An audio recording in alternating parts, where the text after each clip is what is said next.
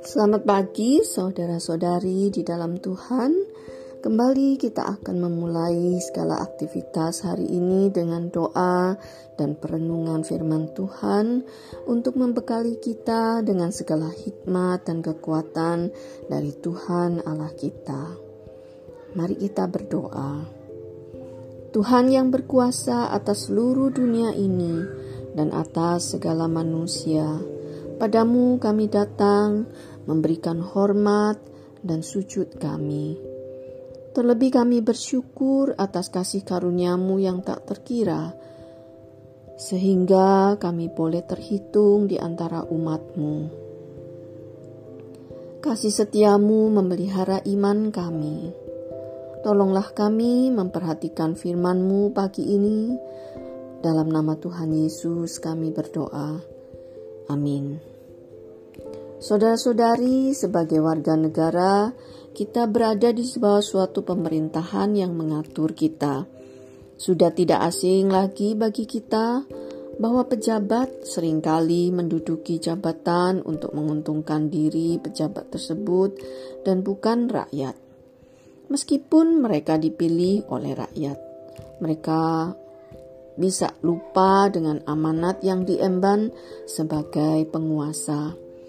Bahkan sering kali terjadi penindasan pada rakyat jika pemerintah tersebut berlaku sewenang-wenang dan tidak takut akan Tuhan. Mazmur 58 mengajarkan kepada kita untuk tetap percaya bahwa Tuhan adalah hakim yang adil. Ia juga yang mengadili para penguasa, para pejabat, para pemerintah. Mari kita memperhatikan bagian-bagian dari Mazmur ini. Pertama-tama, teguran dilayangkan kepada pemerintah yang korup, yang nalim, yang menindas, yang jahat. Ayat 2 dan 3 Sungguhkah kamu memberikan keputusan yang adil, hai para penguasa? Apakah kamu hakimi anak-anak manusia dengan jujur? malah sesuai dengan niatmu, kamu melakukan kejahatan, tanganmu menjalankan kekerasan di bumi. Nah, yang membedakan mereka dengan orang-orang benar adalah kebebalan mereka, di mana mereka tidak bisa lagi mendengar teguran. Muka mereka tebal, tidak tahu malu mereka tidak peduli omongan orang tentang kejahatan mereka. Singkatnya, mereka tidak mau bertobat.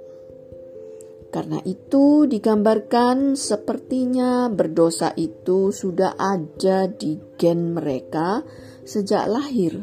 Seperti warna kulit, sudah begitu sejak lahir. Tidak akan berubah. Saking bebalnya mereka. Di ayat 4 sampai 6 dikatakan, Sejak lahir orang-orang fasik telah menyimpang, sejak dari kandungan pendusta-pendusta telah sesat. Bisa mereka serupa bisa ular. Mereka seperti ular tedung tuli yang menutup telinganya, yang tidak mendengarkan suara tukang-tukang serapa, atau suara pembaca mantra yang pandai. Di India kita melihat biasanya ular tedung pasti akan mendengarkan suara peniup suling. Ular tedung akan meliuk-liuk, menari mengikuti irama tiupan suling, kecuali satu, yaitu kalau ular itu tuli. Demikianlah orang fasik yang sudah tidak mau bertobat. Meskipun demikian, keadaan penguasa lalim, pemazmur mengajarkan untuk yakin bahwa penghakiman pasti akan dilakukan oleh Tuhan Allah. Mereka akan dihilangkan kegarangannya. Apa yang menyebabkan mereka ditakuti akan dihancurkan. seperti singa yang diompongkan, tidak bisa lagi menggigit. Pemasmur menyatakannya dalam doa, "Ya Allah, hancurkanlah gigi mereka dalam mulutnya." Patahkanlah gigi geligi singa-singa muda ya Tuhan. Keadilan Allah tidak berhenti pada pematahan kuasa orang-orang fasik yang memerintah dengan kejam, tetapi juga pembinasaan mereka. Allah akan memusnahkan mereka seperti yang digambarkan di ayat 8 sampai yang 10. Biarlah mereka hilang seperti air yang mengalir lenyap. Biarlah mereka menjadi layu seperti rumput di jalan. Biarlah mereka menjadi seperti siput yang menjadi lendir, seperti guguran perempuan yang tidak melihat matahari. Sebagai orang benar yang tertindas, Janganlah kita ragu terhadap penghakiman yang akan dilakukan Allah. Sering kali terasa sepertinya Allah tidak mendengarkan seruan doa kita, atau sepertinya Ia tidak peduli. Tetapi sesungguhnya Allah kita tidak pernah berlambat-lambat. Dia selalu tepat waktu Sedangkan pemerintah yang korup akan tidak menyadari ketika penghukuman itu tertimpa atas mereka. Pemasmur menggambarkan seperti ini. Sebelum periuk-periukmu merasakan api semak duri, telah dilandanya, baik yang hidup segar maupun yang hangus. Karena itu, saudara-saudariku, hiduplah senantiasa dalam kebenaran dan kekudusan, supaya jangan kita terikut dalam penghukuman yang dilakukan Tuhan atas pemerintahan yang jahat. Meskipun kita menderita di bawah pemerintahan yang tidak takut akan Tuhan, kita akan memperoleh dua hal yang membuat kita bersuka cita. Yang pertama, Tuhan menghukum penguasa yang jahat sebagai pembalasan atas kejahatannya kepada kita. Tuhan memberi pahala atas usaha kita untuk hidup benar dan kudus. Jadi tidak akan pernah sia-sia saudara-saudariku usaha-usaha keras di mana kita mempertahankan untuk hidup yang benar dan kudus dan sesuai dengan iman kita.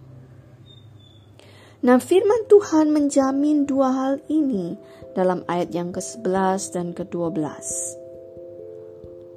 Orang benar itu akan bersuka cita sebab ia memandang pembalasan. Ia akan membasuh kakinya dalam darah orang fasik. Dan orang akan berkata, sesungguhnya ada pahala bagi orang benar. Sesungguhnya ada Allah yang memberi keadilan di bumi. Amin. Apakah saudara-saudari merasakan perlakuan yang tidak adil dari atasan atau pimpinan di mana saudara-saudari bekerja? Sedangkan saudara-saudari telah menyelidiki diri sendiri dan memastikan bahwa saudara-saudari telah melakukan dengan benar dan baik. Apakah saudara-saudari merasakan perlakuan yang menindas dari pemerintah setempat? Mungkin dari RT atau RW atau di suatu instansi di mana saudara-saudari harus melakukan kewajiban sebagai warga negara. Dan perlakuan diskriminatif ini semata-mata hanya dikarenakan saudara-saudari adalah orang Kristen, bukan yang beragama mayoritas. Tetaplah teguh di dalam iman, saudara-saudariku, dan marilah kita mengangkat hati kita dalam doa. Ya Hakim seluruh umat manusia, Tuhan Allah kami yang memperhatikan kehidupan kami dan perlakuan tidak adil yang terjadi pada kami ataupun kepada saudara-saudari seiman kami. Padamu saja kami bersyukur atas keadilan yang Engkau tegakkan. Berikanlah kekuatan kepada kami untuk bersabar menunggu waktu yang Engkau tetapkan. Angkatlah hati kami untuk bersuka cita karena menjadi anak-anakmu yang kau kasihi. Tolonglah kami ya Tuhan untuk setia melakukan yang benar dan baik. Sebab engkaulah yang akan memberikan pahala kepada kami. Dalam nama Tuhan Yesus kami berdoa. Haleluya. Amin. Selamat beraktivitas dan selamat bekerja saudara-saudariku. Tuhan menyertai saudara-saudari sekalian.